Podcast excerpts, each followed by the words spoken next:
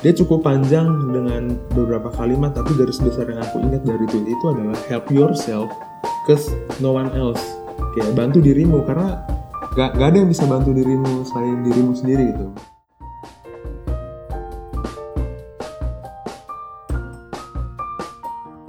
Oke Kalau dia cakep, dia cakep. eh, terus habis itu eh, dia pintar, dia pintar. dia nggak mau sama lu. dia nggak mau sama lo oke. Ini agak-agak bingung kan ya Iya.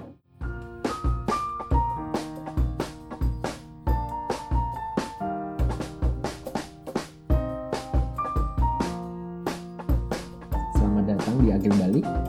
Akil Balik ini adalah podcast yang bakal bahas pengerjaan skripsi dari A sampai Z, khususnya skripsi dan penelitian psikologi. Akil Balik itu apa sih, Ji? Soalnya kan kalau yang akil balik yang dipakai G itu kan kalau di kamus itu ngomong tahu membedakan baik dan buruk tuh. oke Tapi kalau yang ini kayaknya pakai K ya jadi belakangnya Iya, gitu terus kalau akil sendiri itu kan sebenarnya kayak pandai gitu. Kamu pertama kali kepikirannya apa sih? Em, apa ya kalau aku coba jawab sih menurutku nih menurutku akil balik tuh situasi di mana seseorang dikatakan sudah dapat membedakan mengenai hal yang baik dan buruk bagi dirinya. Terus munculnya pendewasaan dalam dirinya juga terutama pendewasaan secara psikis. Kalau dari Mas Diri gimana lebih kurang ya hampir sama dengan akil balik pakai G sih sebenarnya kalau menurutku. Eh, tapi mungkin ada penekanan di apa ya salah satu bagian aja kali. per- pertama kali denger sih kece ya kalau disingkat tuh kan misalkan akil balik AB itu kayak misalkan kayak plat nomornya Jogja juga Oh, sih oke. tapi Iya. dia sebelum eh, itu tapi juga gue lihat kayak tadi karena artinya akil itu berakal atau cerdik pandai terus balik itu balik gitu jadi kayak mencoba menyisir di balik Hmm. skripsi ini apa sih soalnya yang diceritain skripsi itu biasanya orang pada tanya "Eh, kapan lulus atau udah berapa gitu jadi kita Yes. nggak pernah tahu soal Iya. cerita di baliknya gitu sih Oke. tapi ngomong-ngomong itu sih kita juga belum cerita nih ini Hmm. kita siapa sih gitu sebenarnya kenalan dulu kayaknya asik nih Oke. Tuh. kayak aku AP anak psikologi sadar angkatan 2012 jadi alumni yang kurang kerjaan Hmm. lulus tahun lalu Oke. tapi sementara ini eh, kerja di kunci cultural studies di Jogja juga Eh, fokusnya pendidikan alternatif gitu nah ini salah satu bentuk apa ide kepikiran aja bikin podcast ini karena dengerin salah satu podcast di Spotify itu 30 Days of Lunch gitu. Nah mereka apa mencoba untuk ngobrolin satu dan lain hal ketemu banyak orang untuk menceritakan hal-hal di balik proses yang kemudian mereka alami itu dan itu jadi kayaknya asik nih kalau bikin sesuatu berdasarkan itu gitu. Tapi ya alasan itu aku juga pengen tanya sama kamu sih gitu. Kan kenapa sih tertarik untuk akil balik gitu gimana aja Tapi aku kembali ngenalin diri dulu kali ya. hmm. Oke, aku Jericho Sitohang. Aku biasa dipanggil Jericho atau enggak Bimo. Oh iya. aku anak psikologi Sanata Dharma juga sama kayak Mas Ape. Tapi bedanya aku angkatan 2014, kami beda 2 tahun di pendidikan kami. Dan kebetulan aku belum lulus dan segera akan lulus ya, doain aja ya teman-teman. Sementara ini sibuk ya masih skripsian aja sama kerja kerja dikit sih buat nambah uang jajan. Ya gitulah makin lama makin tua makin banyak yang ingin dicapai mas. Iya. oke oke Iya iya. Ah, sebenarnya ah, kepikiran soal akil balik ini aku juga ini nanggepin JJ jadi kalau aku lihat tuh di mahasiswa itu umumnya tuh ngadepin trilema Ah, orang-orang yang beruntung aja yang lepas dari trilema ini trilema itu apaan sih Ah, trilema itu kayak ada tiga pilihan tiga, Tiga? tiga pilihan. Beda dengan dilema. Bi- beda sama dilema. Kalau trilema ini ada tiga pilihan tiga-tiganya oke itu tiga-tiganya asik menguntungkan. Tapi kalau dilema kan cuma bisa pilih satu di antara dua. Oke. kalau yang ini bisa pilih dua di antara tiga. Oh milihnya dua tetap bukan satu dari tiga. enggak. Cuma bisa pilih dua dari tiga. Itu contohnya misalkan yang paling klasik itu tuh kalau misalkan lu cari gebetan gitu kan ini ada tiga opsi menyenangkan. Em, misalkan eh, pertama cowok atau cewek ini eh, itu pintar Pintar, terus cakep cakep, sama mau sama lu mau sama gua Iya. mau sama lu mau sama gua Nah, Oke. nah, kalau misalkan pilihannya tapi cuma bisa dua, jadi dari tiga ini. Kalau misalkan uh, dia pinter mau sama lu, biasanya dia gak cakep. oke Kalau- dia dia pinter dia mau sama lu tapi dia nggak cakep Iya. itu yang pertama Heeh. oke Kalau dia cakep, dia cakep uh, terus habis itu uh, dia pintar, dia pinter dia nggak mau sama lu. dia nggak mau sama lo oke ini Terus- agak-agak bingungan ya Iya. Terakhir dia berarti pilihannya terakhir apa? dia cakep Dia cakep, dia, dia mau, sama lu lu, berarti dia nggak pintar. pintar, oke. Iya. Karena nggak cukup bisa untuk ngukur kok mau sih sama lu gitu. Oke. Iya, Kurang lebih gitu Iya, sih. Nah, siap tapi di apa sih eh, pengerjaan skripsi ini sebenarnya juga ada yang kayak gitu gitu. Jadi pilihannya tiga. Jadi kamu punya pacar, jadi pergi sama pacar, ngerjain skripsi sama nongkrong. Jadi Hmm. bergaul sama anak-anak. jadi ini tiga hal ini merupakan isu utama kali ya Iya, kurang lebih skripsi. gitu. Jadi oke kurang lebih ada ada banyak opsi sih. Cuman kurang lebih aku ngelihat kayak gitu. Jadi pilihannya itu sebenarnya ada tiga kan tadi ya. Terus em, yang dua itu masih enak sebenarnya. Jadi yang pertama tadi kan dia bakal eh, pergi sama pacar, punya sama pacar, Ya. eh, ngerjain skripsi Kerjaan skripsi dan ditemenin pas ngerjain skripsinya sama, sama si pacarnya pacar. oke Cuman- berarti dia nggak dapet teman tongkrongan Iya, dia jarang nongkrong. Mungkin jadi di, dikucilkan dari pergaulan atau jarang nongkrong lah. Pokoknya dia jarang nongkrong sama teman. Nah, yang kedua, kedua itu tuh lu punya pacar, lu punya pacar sering nongkrong, sering nongkrong tapi nggak- kagak ngerjain skripsi jadinya. oh nggak ngerjain skripsi Rada belangsak, dia ada aur-auran mungkin ya Iya. berantakan skripsinya nggak dikerjain. Jadi ntar pressure-nya datang belakangan. Jadi dia tetap nongkrong, punya pacar, hidupnya happy, Iya. tapi menderita di akhir atau dia butuh perjuangannya bakal Oh, itu berat. agak berbahaya bosku ya. Iya. kalau di kalau diingat-ingat kalau kita ini ngebahas skripsi tapi skripsi lu malah terabaikan itu oke Hmm. yang terakhir Yang terakhir, yang terakhir tuh uh, lo ngerjain skripsi, lu jadi skripsi lo tetap nongkrong, jadi tetap nongkrong teman bergaul, nongkrongan Hmm. Tapi- tapi nggak punya pacar. tapi nggak punya pacar Nah yang terakhir ini kadang-kadang rada ngenes. Kenapa? Karena um, sebenarnya kayaknya ya, kayaknya tuh sebenarnya kalau misalnya kita ngerjain skripsi, jarang bisa digabung sama nongkrong. Nongkrong biasanya agak nyantai, Oke. sedangkan skripsi kamu akan mengerjakan sesuatu dengan atensi atau fokus situasi yang lagi rada agak serius gitu kan. oh iya Jadi kadang-kadang rada nggak match. Nah, tapi di satu sisi tidak apa kadang kita butuh dukungan support emosional yang nggak didapetin dari teman nongkrong karena nggak bisa dibarengin kadang-kadang. Nah, itu kadang-kadang jadi ada satu orang nih yang sering nongkrong tapi dia juga ngerjain skripsi tapi dia akhirnya ngerjain skripsi ya sendirian. Pas dia lagi suntuk kagak ada support emosional. Yaitu pacar? Yaitu pacar. Oke. Mungkin tuh ada kebutuhan tersendiri yang tidak terakomodir kan di tongkrongan nggak mungkin macarin anak tongkrongan. Iya. Dan mungkin circle-nya cowok semua gitu. Cowok Iya. cewek semua. Ya nggak sih? Oke.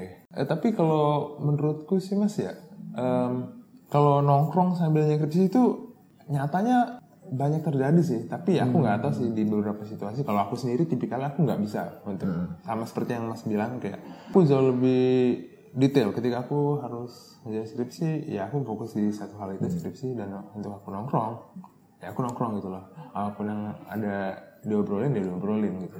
Tapi aku sering lihat dan aku apa namanya sering lihat dan dapat cerita juga kayak eh, tentang ayo dong nongkrong dong kita ngopi ambil skripsi aja. Dan mereka bekerjain mereka mereka berkomunal tapi mereka dengan buka laptop mereka ngerjain skripsi eh, cuma side joke doang little talk gitu.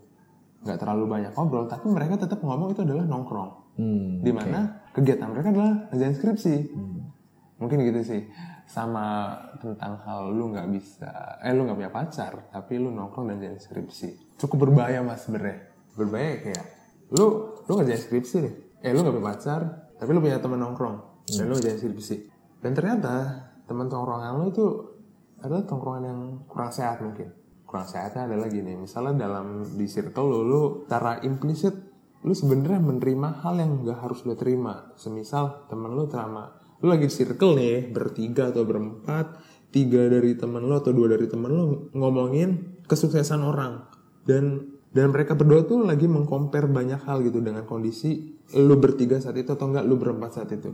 Eh tahu nggak sih si? A udah udah udah kerja udah jadi CEO dengan gaji sekian juta gitu. Terus tahu gak sih si? Si eh, Armanda gitu dia udah punya udah berkeluarga dia udah punya anak gitu dan itu di compare ke lu berempat dan atau enggak lu bertiga yang sedang skripsian gitu. Dan dan mungkin lu tuh nggak secara implisit lu tuh sebenarnya nggak suka dengan hal itu gitu loh. Jadi itu sebenarnya ngenes banget mas. Kenapa? Lu udah nggak punya pacar nih. Lu punya tongkrongan. Tongkrongan lu juga hancur. Kenapa? Kagak sehat. Terus tapi ngerjain skripsi.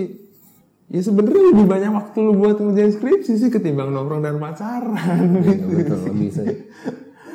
Akhirnya mungkin bisa setelah ngerjain skripsi kelar bisa cari waktu buat Bu, bisa jadi pembanding yang lain.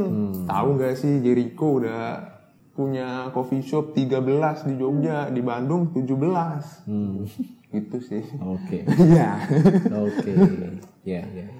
Sebenarnya opsi-opsi itu bisa sangat campur aduk gitu. Jadi kurang lebih trilema ini bisa bisa dipakai siapa pun dan sebenarnya akil balik ini juga untuk kemudian ngasih respon ke orang-orang yang sebenarnya pengen cerita punya temen untuk saling dengerin sih ya keluh kesahnya apa. Tapi eh, nggak bisa nongkrong gitu. Jadi opsi yang tadi dia mungkin adalah orang yang ngerjain skripsi tapi dia uh, suntuk cuma di kamar sendirian dan dia nggak punya teman nongkrong gitu. Atau mungkin dia cenderung Yes. uh, ngisi energinya sendirian gitu misalkan gitu. Hal-hal yang kayak gitu sebenarnya yang mau disasar sama akil balik juga. Terus aku sih sebenarnya penasaran gitu ya. Misalkan mengutip salah satu mantan gitu tuh penderitaan akan terasa ringan kalau bukan kita yang mengalami. Nah jadi sebagai orang yang tidak Iya. menderita kan aku butuh pelengkap penderita yang bisa dieksploitasi ya ini Oke, makanya aku ngajak iya. Jericho juga sih Sip. Iya teman-teman, jadi sebenarnya saya adalah yang menjadi objek eksploitasi dari Mas Ape ya. Hmm. Tapi sorry. Iya. Iya, karena kalau misalkan aku mungkin aku bisa bacot banyak hal gitu. Cuman karena aku udah lulus ya, jadi mungkin ada beberapa hal yang mungkin aku alami tapi tidak dialami oleh teman-teman dan juga ada beberapa yang teman-teman alami tapi aku nggak bisa alami dan sharing itu biasa kita dapetin kalau misalkan kita punya perbedaan itu juga salah satunya. Dia ngajakin JJ cuman aku juga tertarik nih. Kenapa JJ tertarik untuk ikutan akhir balik nih untuk bikin podcast ini? Hmm, Oke, kalau dari sekelebat dari apa namanya yang pas Mas Ape pertama diceritain tentang konsep ya, terus tentang apa namanya podcast, maksudnya di mana kita adalah berbicara mem- membahas suatu hal, membahas suatu mungkin isu atau paradigma tentang yang ada, itu sangat menyenangkan mungkin. Ternyata konsep dari podcast ini adalah mengenai skripsi itu sendiri dan aku tertarik karena saat ini aku menjadi pelaku pekerjaan skripsi gitu itu yang pertama sih Hmm. dan sama ya mungkin dari aku bisa apa namanya membicarakan banyak hal mengenai skripsi dengan Mas Ape itu juga bisa jadi simbiosis mutualisme mungkin ya Hmm. Di di mana skemanya aku bisa sedikit bantu Mas Ape dalam apa namanya menjadi teman bertukar pikiran mengenai hal-hal yang terjadi di skripsi dan tentang akil balik ini sendiri Hmm. eh, aku pun terbantu dengan bisa diskusi masalah skripsiku juga ke Mas Ape gitu. Hmm. Sama alasan keduanya, sama alasan yang terakhir yang entah sangat kecil sih sebenarnya, tapi muncul adalah kecenderungan aku untuk berbicara gitu. Jadi kenapa aku mengiyakan bikin podcast ya mungkin butuh didengarkan butuh didengar ya Oh. teman-teman ya. ya mungkin teman ada beberapa teman juga yang butuh sarana untuk didengar juga Yes. ini dan ini mungkin nanti uh, bisa kontak sama kami juga jadi Ya, kami membuka banyak pertanyaan dan nanti bisa dimasukin ke email atau ke IG kami nanti kalau kami share di uh, akhir podcast. Nah, sebenarnya kenapa aku juga tertarik tadi apa dari pernyataan JJ karena dia lagi ngerjain skripsi sebenarnya karena uh, dari beberapa keresahan teman-teman tuh ada yang ngerasa kalau skripsi itu ya cuma buat lulus doang gitu. Hmm. Nah cuman kadang-kadang yang bikin rada sayang adalah ketika dia cuma buat lulus doang dia lupa gitu. Dia mungkin milih sesuatu yang gampang tapi pas dikerjain bisa lama ternyata. Kok bisa ya gitu? Ternyata Hmm. dia nggak dekat sama topiknya. Jadi dia nggak. Aku bilang kalau aku sih eh, nggak mengeksplorasi dirinya gitu. Jadi dia nggak misalkan akses ke sumbernya, narasumbernya atau subjek yang buat music questionnaire itu tuh dia nggak tahu sebelumnya. Jadi Oh. topiknya nggak relate sama dirinya sendiri gitu. Oh. Nah itu jadi ada banyak yang kemudian skripsi ya cuma selesai masuk perpus kelar gitu. Mm-mm. Padahal ada banyak opsi gitu. Jadi kayak misalkan dia bisa bentuknya kayak hampir kalau mau ngomong sih kayak aktualisasi diri gitu. Jadi kita bisa dapat sesuatu pas kita lagi ngerjain skripsi bahkan dalam bentuk investasi gitu. Jadi salah satu dari orang yang aku ajakin ngobrol dan mungkin nanti di episode berikutnya ntar bisa kita ajakin ngobrol itu menawarkan ternyata si kuesioner yang dipakai oleh orang-orang itu tuh sebenarnya bisa jadi diuangkan bahkan gitu. jadi Oh. sampai ujung tertentu gitu sebenarnya ini bisa diinvestasikan dalam bentuk uang tapi juga ke diri sendiri juga bisa sebenarnya kayak misalkan ada temen yang kemarin cerita lagi bikin line clothing Line clothing Line- clothingan bikin clothingan. uh, Oke. hampir kayak ya juga ya Oh, ya atau juga, sip. ini teras rumahmu kayak gitu-gitu yang Oh. ada tulisan, di Tulisan kaos dan gitu kalimat ataupun Mm-mm. frase. Uh-uh. Oke. itu kalau di anak-anak PIO kan sebenarnya itu bisa jadi akses untuk meneliti dan jadi bahan yang sangat seksi untuk kemudian nanti kalau misalkan lu ditanyain di wawancara lu, lu ditanyain di interview terus tanya skripsinya tentang apa ternyata dia melakukan analisis pada kerjaan yang beneran gitu. Jadi Hmm. dia tahu dia bisa sharing dan dia punya nilai lebih gitu untuk dirinya sendiri. Bidangnya apa pun terserah gitu.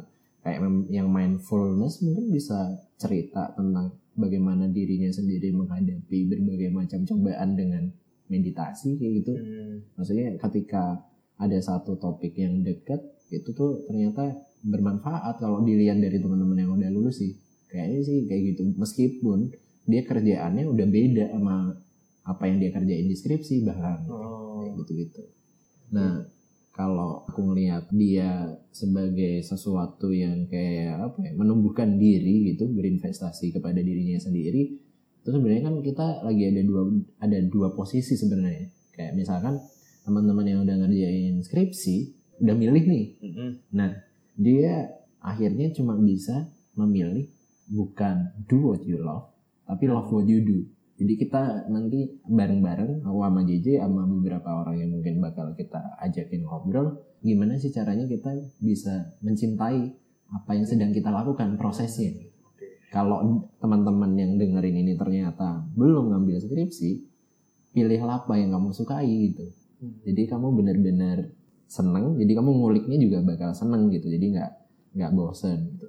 Terus yang kedua itu sebenarnya ini uh, pengen juga ngelihat bahwa ada beberapa teman yang mungkin udah lulus terus habis itu dia ngulik lebih jauh ke apa bidang ilmu yang dia sukai tapi dia nggak ninggalin building blocks gitu. jadi dia pintar sendirian istilahnya jadi on apa kayak misalkan on top tapi di puncak itu dia sendirian gitu. nggak ada temennya nah Jadi dia summitnya sendiri doang gitu ya. mm-mm. dia di atas uh, puncak itu sendirian dan kan akhirnya kalau sendirian nggak ada yang diajak ngobrol gitu nah uh, motif untuk bikin podcast ini sendiri ya hampir kayak gitu jadi bikin support gitu tanpa Hmm. harus kita harus ketemuan dan teman-teman bisa dengerin untuk mungkin bisa dapat dari sharing-sharing yang diceritain bisa dapat pantulan gitu. Kayak misalkan oh ternyata aku ngerasain hal yang sama gitu. Jadi cara tidak langsung dapat cara gitu. Tapi nggak nggak kita nggak kayak nyeramahin harus kayak gini harus kayak gitu gitu. Tapi Ya. teman-teman sendiri yang bakal dengerin dan nanti nyari caranya di cerita-cerita yang kami ceritain gitu. Ini ada satu gerakan yang menarik sih. Namanya belakangan ini human library. Di Indonesia udah ada sih. Jadi ada satu orang gitu. Misalkan dia Sorry, human. library. Perpustakaan tapi orang. Oh. jadi per- orang sebagai perpustakaan. Oke. misalkan eh, JJ eh, demen kopi dan dia pernah jadi barista. Yes. nah kamu bakal duduk terus habis itu selama sekitar 10 menit atau 15 menit kita nanti ada grup gitu ada 5 sampai 7 orang di sekeliling JJ mendengarkan JJ tentang dunia perkopian ini kurang lebih gitu Oh. jadi tapi itu juga bisa dipakai untuk orang-orang yang terkena stigma orang dengan HIV AIDS atau Oh di mana si penderita itu yang menjadi yang jadi ininya Eh, perpustakaannya Heeh. of tensionnya itu. Heeh.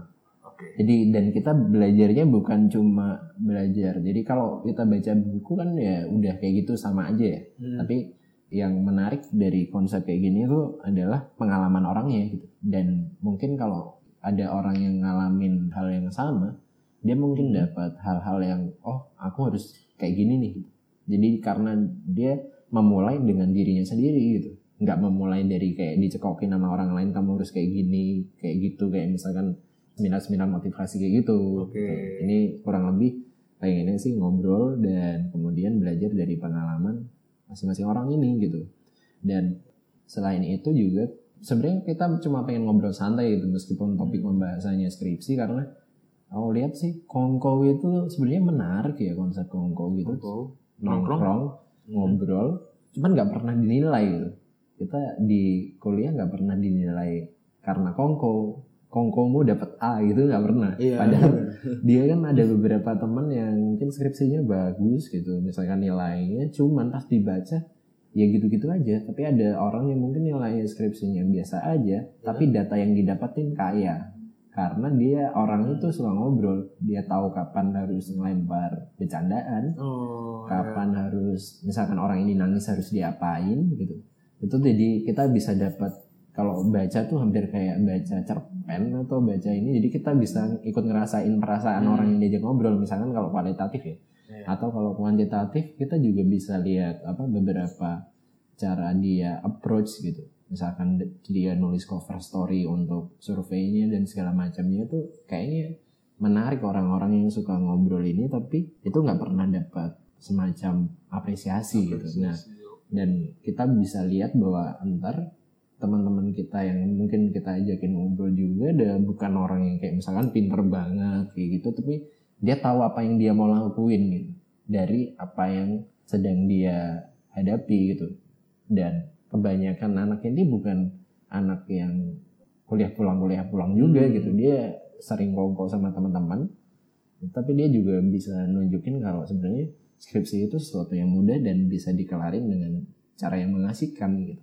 Jadi tadi balik lagi ke bukan hanya do what you love tapi love what you do gitu. Yo, go, gitu. Gokil, gokil, gokil.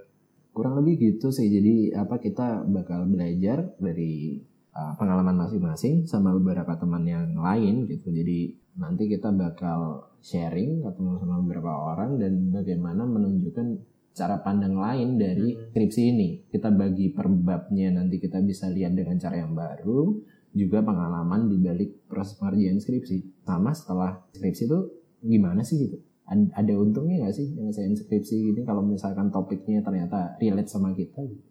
Kurang lebih itu sih. Ada tambahan aja?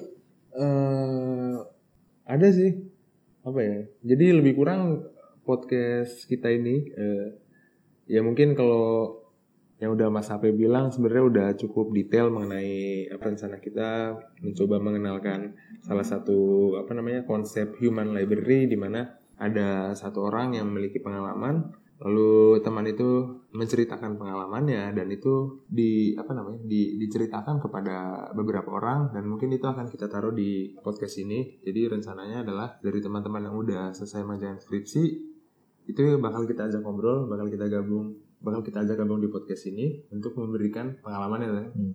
berikan pengalamannya gimana sih cara mengerjakan skripsi yang asik dan ya dari sudut pandang mereka yang akhirnya mereka udah selesai mungkin beberapa teman yang belum skripsi mungkin yang ngebayanginnya kayak semua orang yang udah lulus kuliah adalah dengan apa dengan posisi yang sama mungkin dengan kayak ada kegalauan dengan dengan tidak mengerjakan selama dua bulan atau tiga bulan mungkin nggak ada yang mungkin selesai dalam sebulan dan baru banget aku Hmm. kemarin lihat di Instagram dan Twitter kayak ada tagline berita karena hobi skripsi dengan jumlah halaman 1308 diselesaikan dalam 45 hari. 45 hari atau bisa dikatakan satu setengah bulan. Dan itu bukan skripsi yang tipis loh, 1000 halaman tuh tebal mas. Dan itu mungkin itu juga menjadi sudut pandang baru terhadap kita mengenai pekerjaan skripsi itu mungkin ada asiknya. Jadi ya seperti itu mungkin di podcast ini. Terus sama apa ya?